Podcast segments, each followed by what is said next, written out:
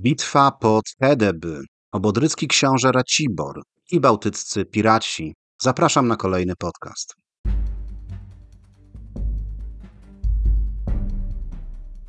Ryszard Kapuściński powiedział: Wszak istnieje coś takiego jak zarażenie podróżą i jest to rodzaj choroby w gruncie rzeczy nieuleczalnej. Będzie to podcast o podróżach do miejsc niedalekich, o bogatej historii Polski i regionu, o miejscach osiągalnych dla każdego i o moich przemyśleniach w historycznych miejscach. Zapraszam, Marcin.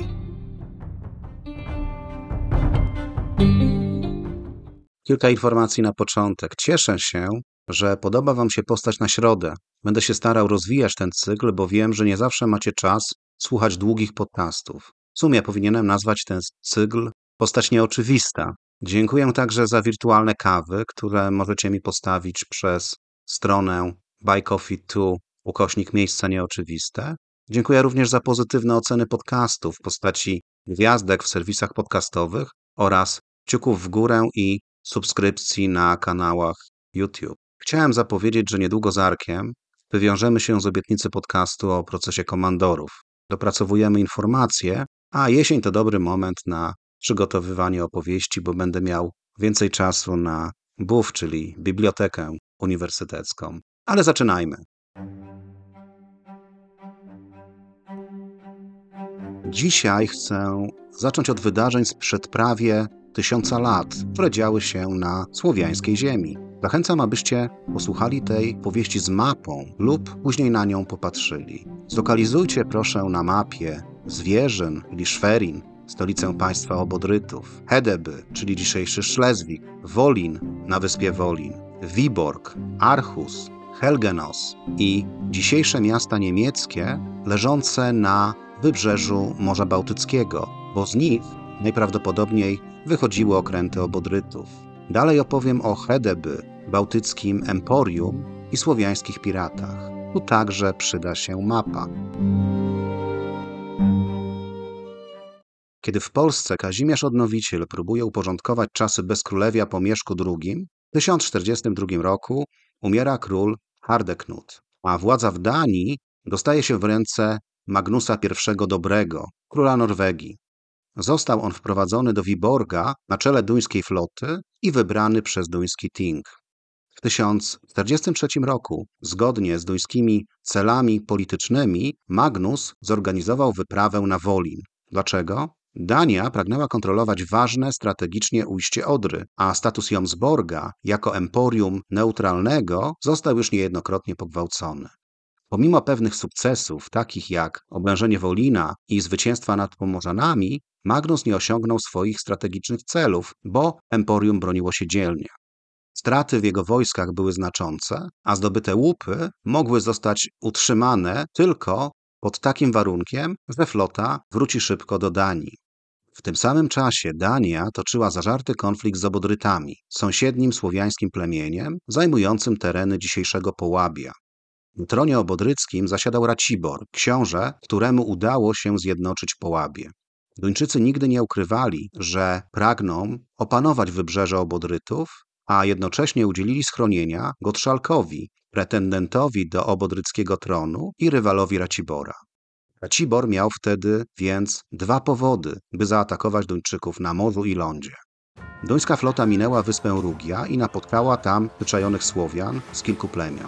Doszło do krwawej bitwy morskiej, której Słowianie początkowo odnosili sukcesy. Niespodziewana śmierć Racibora zakończyła walkę i umożliwiła Duńczykom ucieczkę. Racibor był tak pochłonięty zagrzewaniem swoich ludzi do walki, że stał się łatwym celem dla duńskich wojowników. W pewnym momencie książę Obodrytów został przeszyty strzałą i utonął w morzu na oczach wszystkich walczących. Pomorzanie i Ranowie, wstrząśnięci śmiercią Racibora, zaniechali walki. Tylko Obodryci, których serca wypełniała rządza zemsty i duma, byli gotowi do kontynuacji walki z Danią. Wyruszyli w pełni uzbrojeni, z całą flotą i tysiącami wojowników na pokładach pod wodzą ośmiu synów Racibora. Po dotarciu do wybrzeży Danii obodryci przypuścili krwawe ataki na porty Warhus i Helgenos. Miasta zostały całkowicie zniszczone, a garnizony wycięte w pień. Podobny los spotkał miejscowość Ribe w środkowej Jutlandii. Tymczasem Magnus z całym wojskiem zaokrętowanym na łodziach czekał w cieśninach duńskich, gotowy do ataku na wracających obodrytów.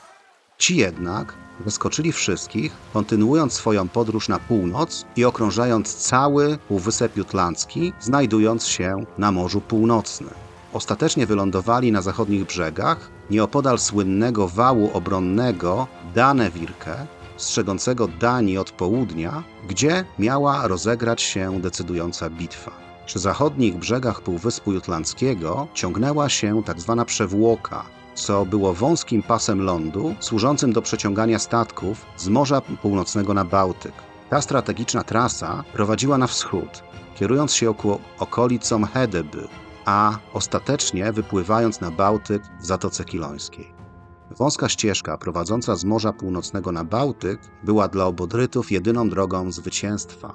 Wściekli po śmierci swojego księcia pragnęli zemsty na Danii. Choć zamiar obodrytów był sprytny, jego realizacja była trudna i niebezpieczna. Brakowało im zwierząt pociągowych, więc sami musieli przeciągać swoje łodzie lądem. Wkrótce kolumna wojowników rozciągnęła się na znacznym obszarze. Magnus, król Norwegii i Danii, przewidział plany obodrytów. Dzięki pomocy Gotszalka, obodryckiego księcia, który przebywał w jego armii, król Duńczyków mógł przygotować zasadzkę. Rozmowę Gotszalka i Magnusa została sfabularyzowana w książce Zofikossach Troja Północy. Król Magnus z niedowierzaniem mówi do Goczałka. Pytałem moich ludzi rodem ze Szlezwigu o przewłokę, którą twoim zdaniem puścili się rozbójnicy. Powiadają, że jest taka, owszem, ale dostępna tylko dla płaskich łodzi rybackich lub zwykłych czułem. Przeciągnięcie tą drogą okrętów bojowych jest pono niepodobieństwem, a oni to znają, wiedzą.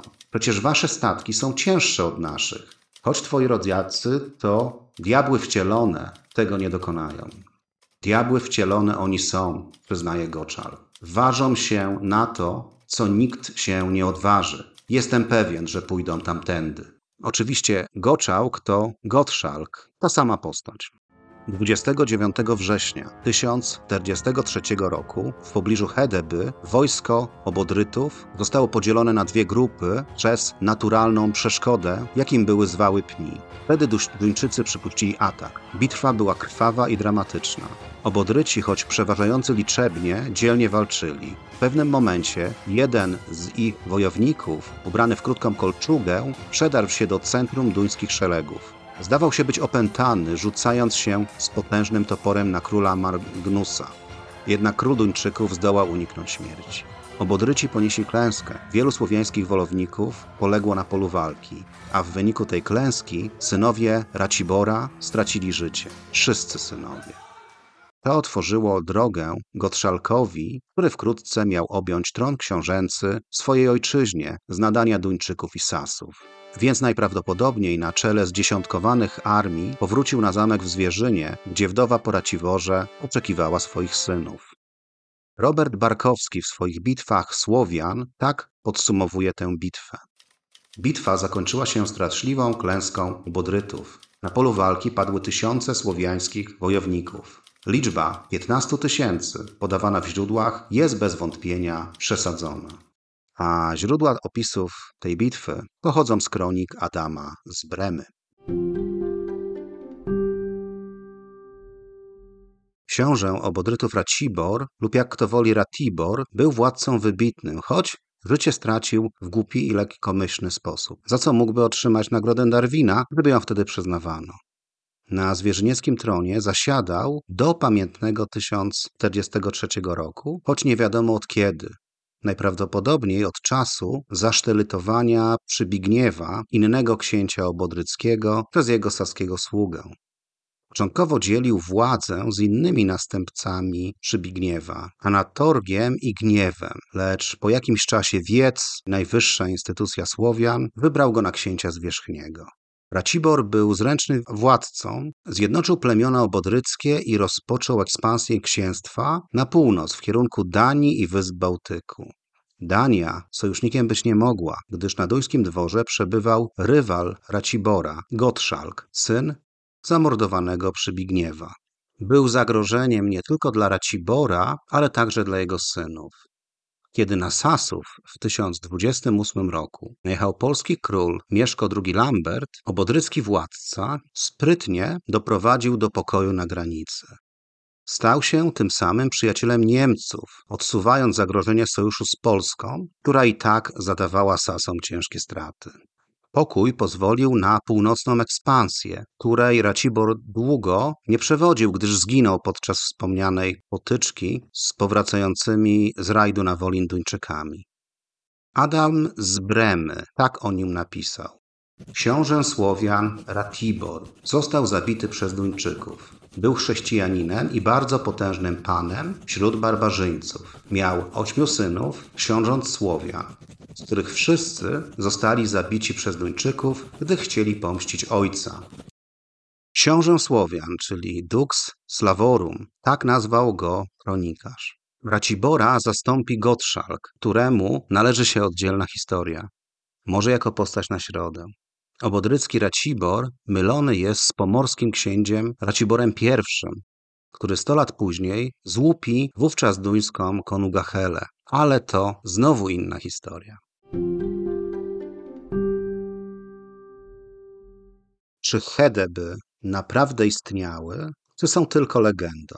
Nazwa osady w języku staronordyckim to Aitabu, a po łacinie Heidyba. Można też powiedzieć Heidabyr od Heidr, wrzosowisko i Byr, dziedziniec. Nazwy używane przez Sasów to Siestor i Sliazwik. Pierwsze określenie pochodziło od okolicznych wrzosowisk, drugie od pobliskiej rzeki, stąd późniejsza nazwa Szlezwik. Jest to wczesnośredniowieczne miasto i port położone na terenie dzisiejszych Niemiec, prowincji Szlezwik-Holsztyn, na obszarze, który niegdyś należał do Danii. Miasto to było kluczowym ośrodkiem handlowym w czasach Wikingów i stanowiło ważny element historii tego regionu. Jeśli popatrzymy na mapę, to Hedeby znajdują się w bardzo osłoniętej zatoczce niedaleko miasta Szlezwik. To bardzo wygodna lokalizacja, zresztą podobna do Truso nad jeziorem Drużno czy Wolina, który nie znajduje się bezpośrednio nad morzem, tylko nad rzeką. Początki Hedeby datowane są na pierwszą połowę VIII wieku. Wówczas po migracji narodów i migracji Sasów do Anglii, Duńczycy i Jutowie osiedlili się na północ od Zatoki Szlej i Ekenforde. Obszar ten, jak się wydaje, był wtedy słabo zaludniony. W około VIII wieku powstało Hedeby, które szybko stało się głównym ośrodkiem handlowym Duńczyków. W IX wieku założono drugą osadę na północ od Hedeby, a między nimi powstała kolejna osada nad strumieniem Haitabu. Pod koniec IX wieku część południowa i północna miasta zostały opuszczone, a środkowa część nadal była użytkowana i została włączona w duńskie fortyfikacje graniczne Danever, o których już mówiłem.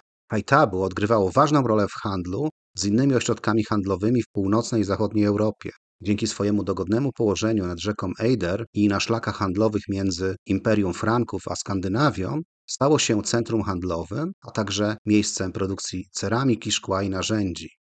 W 808 roku duński król Gutfred zniszczył konkurencyjne słowiańskie miasto handlowe Reric, czyli Rzeżyce, koło Wismaru, co przyczyniło się do wzrostu znaczenia Hedeby. Miejsce to było dobrze znane jako centrum handlu niewolnikami, gdzie futra, skóry i inne produkty pochodzące z północnych lasów i mórz przewożone było na rynki Europy Zachodniej, a jednocześnie sprowadzano tu zboże, wino, żarna, naczynia szklane, gliniane, kamienne, różnego rodzaju biżuterię oraz broń. Ze źródeł historycznych wiemy, że oprócz funkcji handlowych portu przeładunkowego na szlakach handlowych, Hedeby pełniło także funkcję portu wojennego floty Królestwa Danii. W IX wieku Hedeby osiągnęło swój szczyt, licząc co najmniej 10 tysięcy mieszkańców i było jednym z największych ośrodków handlowych w zachodniej części Morza Bałtyckiego. W 934 roku cesarz Henryk I pokonał Duńczyków w kluczowej bitwie, a miasto zostało zdobyte. Jednak w kolejnych latach Haitabu podobnie wróciło pod kontrolę Wikingów. W 948 roku obszar między rzekami Eider a Play należał do strefy wpływów od Tona III, cesarza rzymskiego. W miarę upływu czasu Hedeby straciło na znaczeniu. W 1050 roku obwarowania zostały zniszczone w bitwie między Haraldem a Sweinem II, a miasto zostało splądrowane i spalone przez Słowian Zachodnich w 1066 roku. Mieszkańcy przenieśli się wówczas do dzisiejszego Szlezwiku, a Hedeby przestało istnieć jako emporium handlowe.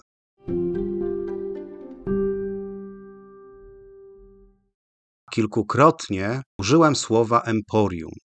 Emporium to starożytne łacińskie słowo pochodzące od greckiego emporion i używane było od czasów antycznych, przynajmniej od czasów Herodota, do opisania miejsca handlu i targowiska w mieście. Emporia były zakładane jako osady handlowe poza granicami państwa lub też w jego granicach i służyły jako centra przeładunkowe dla towarów z zagranicy. Ze względu na to, że w starożytności handel zagraniczny głównie odbywał się drogą morską, emporia często były położone przy portach lub same były portami. Stanowiły wczesne ośrodki handlowe i często stanowiły punkt wyjścia dla późniejszego rozwoju miast i osad. Bałtyckie emporia to starożytne i wczesnośredniowieczne centra handlowe i rzemieślnicze, które miały ogromny wpływ na rozwój gospodarczy i kulturalny regionu. Główną ich funkcją było podobnie jak w czasach antycznej Grecji organizowanie handlu. Uważano, że emporia są izolowane od otaczającego świata, jednak jest to mylna teza. W rzeczywistości były one ściśle związane z lokalnymi społecznościami i regionem, w którym się znajdowały. W obszarze basenu Morza Bałtyckiego ekonomia opierała się głównie na srebrze, które było ważnym elementem wymiany handlowej, a także materiałem używanym do produkcji biżuterii, ozdób i innych produktów rzemieślniczych. W okresie wikińskim znaczenie handlu towarowego, w tym wymiany niewolników, wzrosło. W takim miejscu również rzemieślnicy mieli możliwość wytwarzania i przechowywania swoich towarów przez dłuższy czas. Mogli tutaj także gromadzić półprodukty i surowce na swoje zapasy. Z racji zasad funkcjonowania takich osad, przewozy towarów były wyjątkowo rozwinięte, a lokalne rynki stanowiły ważne centra wymiany. W tym kontekście różnorodność grup społecznych, kulturowa i ekonomiczna były szczególnie widoczne w produktach. W emporach zajmowano się produkcją broni, narzędzi, ozdób i ubrań, począwszy od produkcji rogowniczej i brązowniczej. W niektórych miejscach nie bez znaczenia też był bursztyn. Na początku swojego istnienia emporia handlowe zakładane przez Skandynawów, takie jak Menslin nad rzeką Pianą, Wolin czy Bardy, obecnie Kołobrzeg, nie posiadały fortyfikacji obronnych przez pierwsze dwa wieki swojego istnienia. Stanowiły one otwarte osady. Dopiero po pojawieniu się zagrożenia zewnętrznego te osady zaczęły być fortyfikowane. Dzięki wikingom działającym nad Bałtykiem na przełomie VII i VIII wieku powstały pierwsze takie ośrodki, a co za tym idzie, miejskie fortyfikacje obronne, ale głównie pod koniec IX wieku. Często na straży niezależności emporiów handlowych stały lokalne elity. Osady te miały status wolnych miast, czy też strefy wolnego handlu. Co więcej, w miastach tych funkcjonowali ludzie różnych wyznań. Żydzi, sascy i frankońscy chrześcijanie, Arabowie, pogańscy Słowianie czy wyznawcy Tora. Podobno w początkowym okresie starano się w nich nie wznosić miejsc kultu.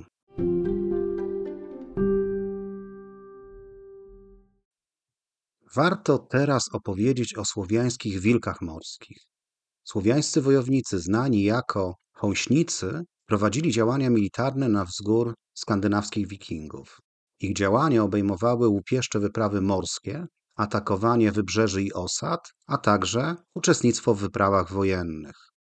Początkowo Słowianie nie zajmowali się piractwem. Jeszcze w IX wieku Ibrahim ibn Jakub, żydowski lub być może arabski kupiec, podczas swojej podróży do kraju obodrytów nic nie wiedział o istnieniu tamtejszych piratów. Mimo, że w tamtym czasie Słowianie mogli występować jako sprzymierzeńcy duńskich wikingów w wyprawach przeciw Sasom i Anglikom. Jednak głównie prowadzili handel morski ze Skandynawią. Ten handel opierał się głównie na produktach rolniczych i myśliwskich, które wymieniano za arabskie monety, broń czy srebro.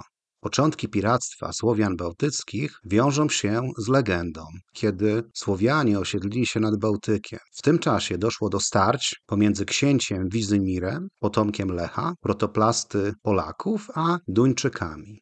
Tak mówi legenda Wincentego Kadłubka. Najazdy duńskie i saskie na ziemię Słowian zachodnich doprowadziły do upadku handlu morskiego. Słowianie byli wypierani z nadmorskich terenów przez saskich kolonistów i obciążani nadmiernymi daninami. W odpowiedzi na te działania Słowianie zaczęli organizować łupieszcze wyprawy na morzu. Piractwo stało się dla nich sposobem na przetrwanie. Słowiańscy wojownicy byli dobrze uzbrojeni i wyszkoleni. Stosowali różnego rodzaju taktyki, aby zaskoczyć i pokonać swoje ofiary. Profesor Andrzej Makowski z Akademii Marynarki Wojennej w Gdyni w swojej publikacji Piractwo morskie, barbarzyństwo czy zwyczajowy sposób uprawiania handlu uważa, że zorganizowane piractwo Słowian Zachodnich była to reakcja na łupieszcze wyprawy piratów skandynawskich, przede wszystkim duńskich. Inną, wcale niebagatelną przyczyną była chęć zdobycia łupów i niewolników. Słowianie, w przeciwieństwie do Normanów, nie wyprawiali się po sławę ani nie dążyli do zdobycia lepszych ziem. Jedynym celem było zdobycie ogromnego łupu. Jednak należy zauważyć, że te wyprawy łupieszce, oprócz rabunku, często miały na celu realizację zadań o charakterze czysto politycznym. Z kolei profesor Jan Piskorski pisze, Zachodni Słowianie w IX wieku byli prawdziwą plagą dla Europy. Kryjówkami piratów były ujścia rzek, takie jak Warnawa, Krępina czy Odra. Niestety piractwo stało się warunkiem dalszej egzystencji Słowian i było praktykowane nie tylko przez bezrolnych chłopów wyjętych spod prawa, zbiegłych niewolników, ale także przez możnych, stanowiących odpowiednik średniowiecznego rycerstwa. Piractwo miało znaczący wpływ na rozwój gospodarczy i polityczny Słowian zachodnich. Piraci zdobywali bogactwa, które inwestowali w rozwój swoich osad.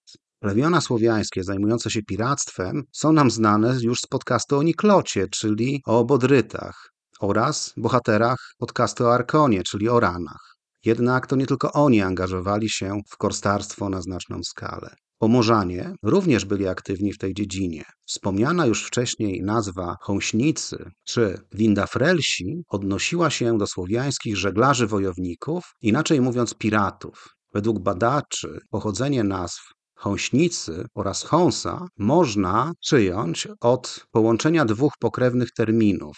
Hąsa, co oznacza gromadę lub zgraję, bandę, oraz hąźba, co odnosi się do napadu lub rabunku.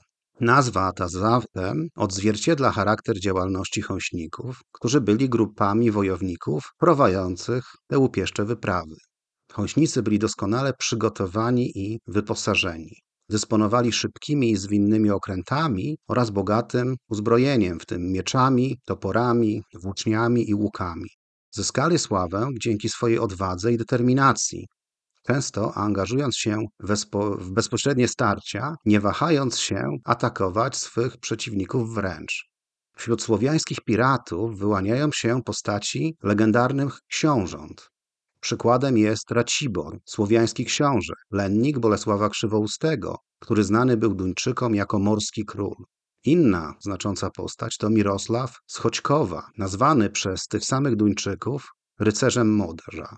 Warto dodać, że Choćków to obecnie miasto Gickow w Niemczech, położone na południe od Greifswaldu w pomiecie Vorpommern-Greifswald.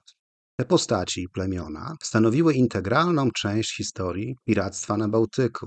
Innym sławnym piratem miał być szczeciński Wyszak. Wyszak, właściwie Wiskasus, był możnym, rajcą, kupcem i korsarzem słowiańskim, żyjącym na początku XII wieku. Pochodził ze Szczecina, gdzie był jednym z najbogatszych i najbardziej wpływowych ludzi. Wzbogacił się na korsarstwie i na handlu. Jego wyprawy łupieszcze często prowadziły na wybrzeże duńskie. W 1126 roku wyruszył na czele sześciu okrętów z wyprawą do Danii. Eskapada ta zakończyła się jednak klęską, a Wyszak został pojmany i uwięziony przez Duńczyków.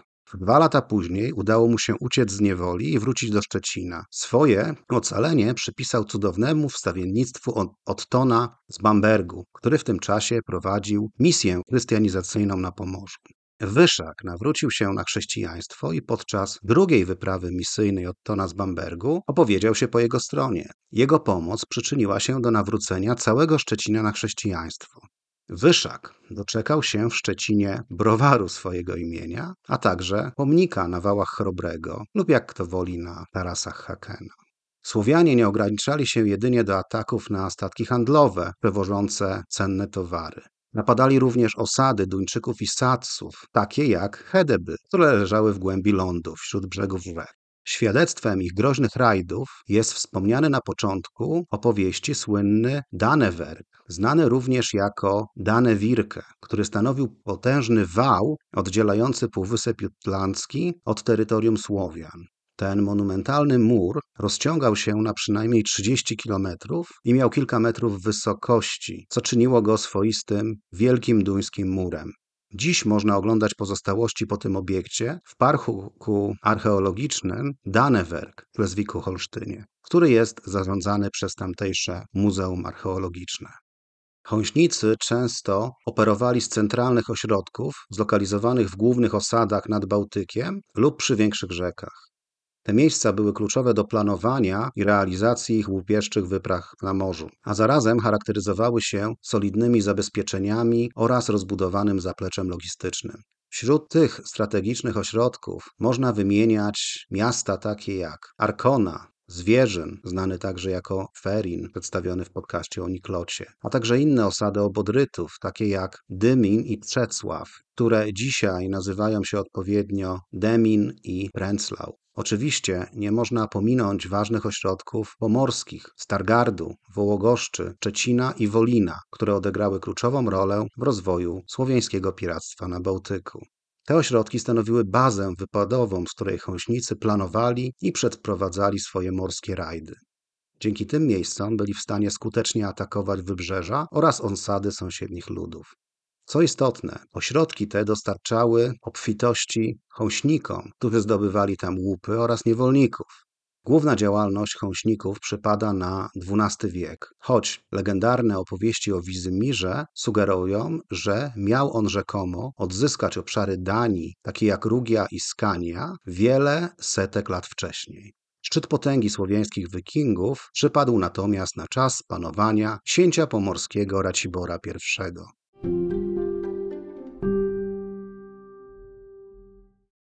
Hedeby stanowi bez wątpienia jedno z najważniejszych i najstarszych miejsc archeologicznych w Szlezwiku-Holsztynie. Od 2011 roku zaszczycił je wpis na listę Światowego Dziedzictwa UNESCO jako archeologiczny kompleks graniczny Hajtabu i Danewerk obok słynnych wałów. Hedeby, jak już wspomniałem, odgrywało kluczową rolę jako ośrodek handlu i rzemiosła w Europie Północnej. Było to miejsce, gdzie wikingowie handlowali z ludźmi z całego świata, od Anglii po Bizancjum, żeby nie powiedzieć ludźmi z ludźmi całego świata, bo przecież istniał tu również targ niewolników. W mieście znajdowały się warsztaty rzemieślnicze, w których produkowano biżuterię, broń i inne przedmioty. Aitabu, czyli Hedeby, było również ważnym ośrodkiem religijnym, ale później z licznymi świątyniami i miejscami kultu. Dlatego dziś Hedeby są niesamowitym miejscem do odkrywania historii wikingów. Na terenie muzeum znajdują się dobrze zachowane pozostałości murów obronnych, domów, warsztatów i świątyń. Można tu również zobaczyć liczne artefakty, które zostały odkryte podczas wykopalisk archeologicznych. Haitabu to nie tylko miejsce historyczne, ale także piękny obszar naturalny. Gród otoczony jest lasami, bagnami i wrzosowiskami. Okoliczne fortyfikacje, w tym mury obronne otaczające dawne osiedle, wchodzą w skład obszaru rezerwatu przyrody o takiej samej nazwie Haitabu Danever. Muzeum Hedeby zaprasza do bardzo ciekawej wystawy, która zabiera zwiedzających w podróż o tysiąc lat wstecz. Oryginalne i unikatowe eksponaty oraz innowacyjne narzędzia komunikacji przenoszą nas w czasy dawne. Wiele różnorodnych artefaktów przedstawia rzemiosło i handel tamtych czasów w ich naturalnym kontekście. Wśród prezentowanych eksponatów można znaleźć biżuterię i broń pochodzące z bogato wyposażonych grobowców oraz imponujące kamienie runiczne, które świadczą o obecności zamożnej klasy wyższej. Uwagę przyciągnie na pewno królewski okręt, który kiedyś dominował na Bałtyku jako najszybszy w swojej klasie. Ten statek, okręt, jest centralnym punktem hali okrętowej i pozwala zwiedzającym zgłębić lub zagłębić się w życie portowe sprzed tysiąca lat. Dodatkową atrakcją jest kino muzealne, gdzie kilka razy dziennie prezentowane są dwa zupełnie nowe filmy opowiadające o świecie wikingów.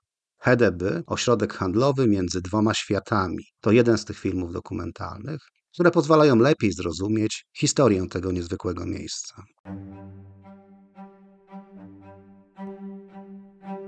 Bitwa pod Hedeby w 1043 roku, gdzie obodryci musieli stawić czoło Duńczykom i ponieśli klęskę, to jedno z wielu mało znanych wydarzeń z historii tego obszaru, podobnie jak postać księcia obodrytów Racibora. Nie wolno także zapominać o chąśnikach, tajemniczych bałtyckich wojownikach, których obecność odcisnęła trwałe piętno na kartach historii tych wód. Ponoć bali się ich skuteczni na Morzu Północnym wikingowie. Nie zapominajmy o bałtyckich emporiach handlowych, o których mam jeszcze zamiar opowiedzieć. Gorąco zachęcam Was do odwiedzenia rekonstrukcji Hedeby w Szlezwiku-Holsztynie. To miejsce, gdzie przeszłość ożywa, pozwalając nam na pełniejsze zrozumienie historycznego ośrodka handlowego.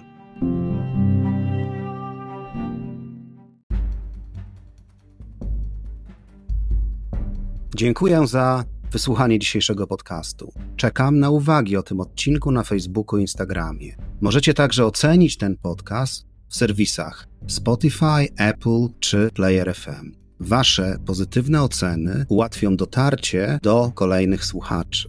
Możecie także postawić mi wirtualną kawę w serwisie Buy Coffee pod adresem podcast Miejsca Nieoczywiste. Środki przeznaczam na promocję podcastu w mediach społecznościowych. Jeżeli macie pomysł na odcinek, poproszę o mail na adres domwdawidach.gmail.com.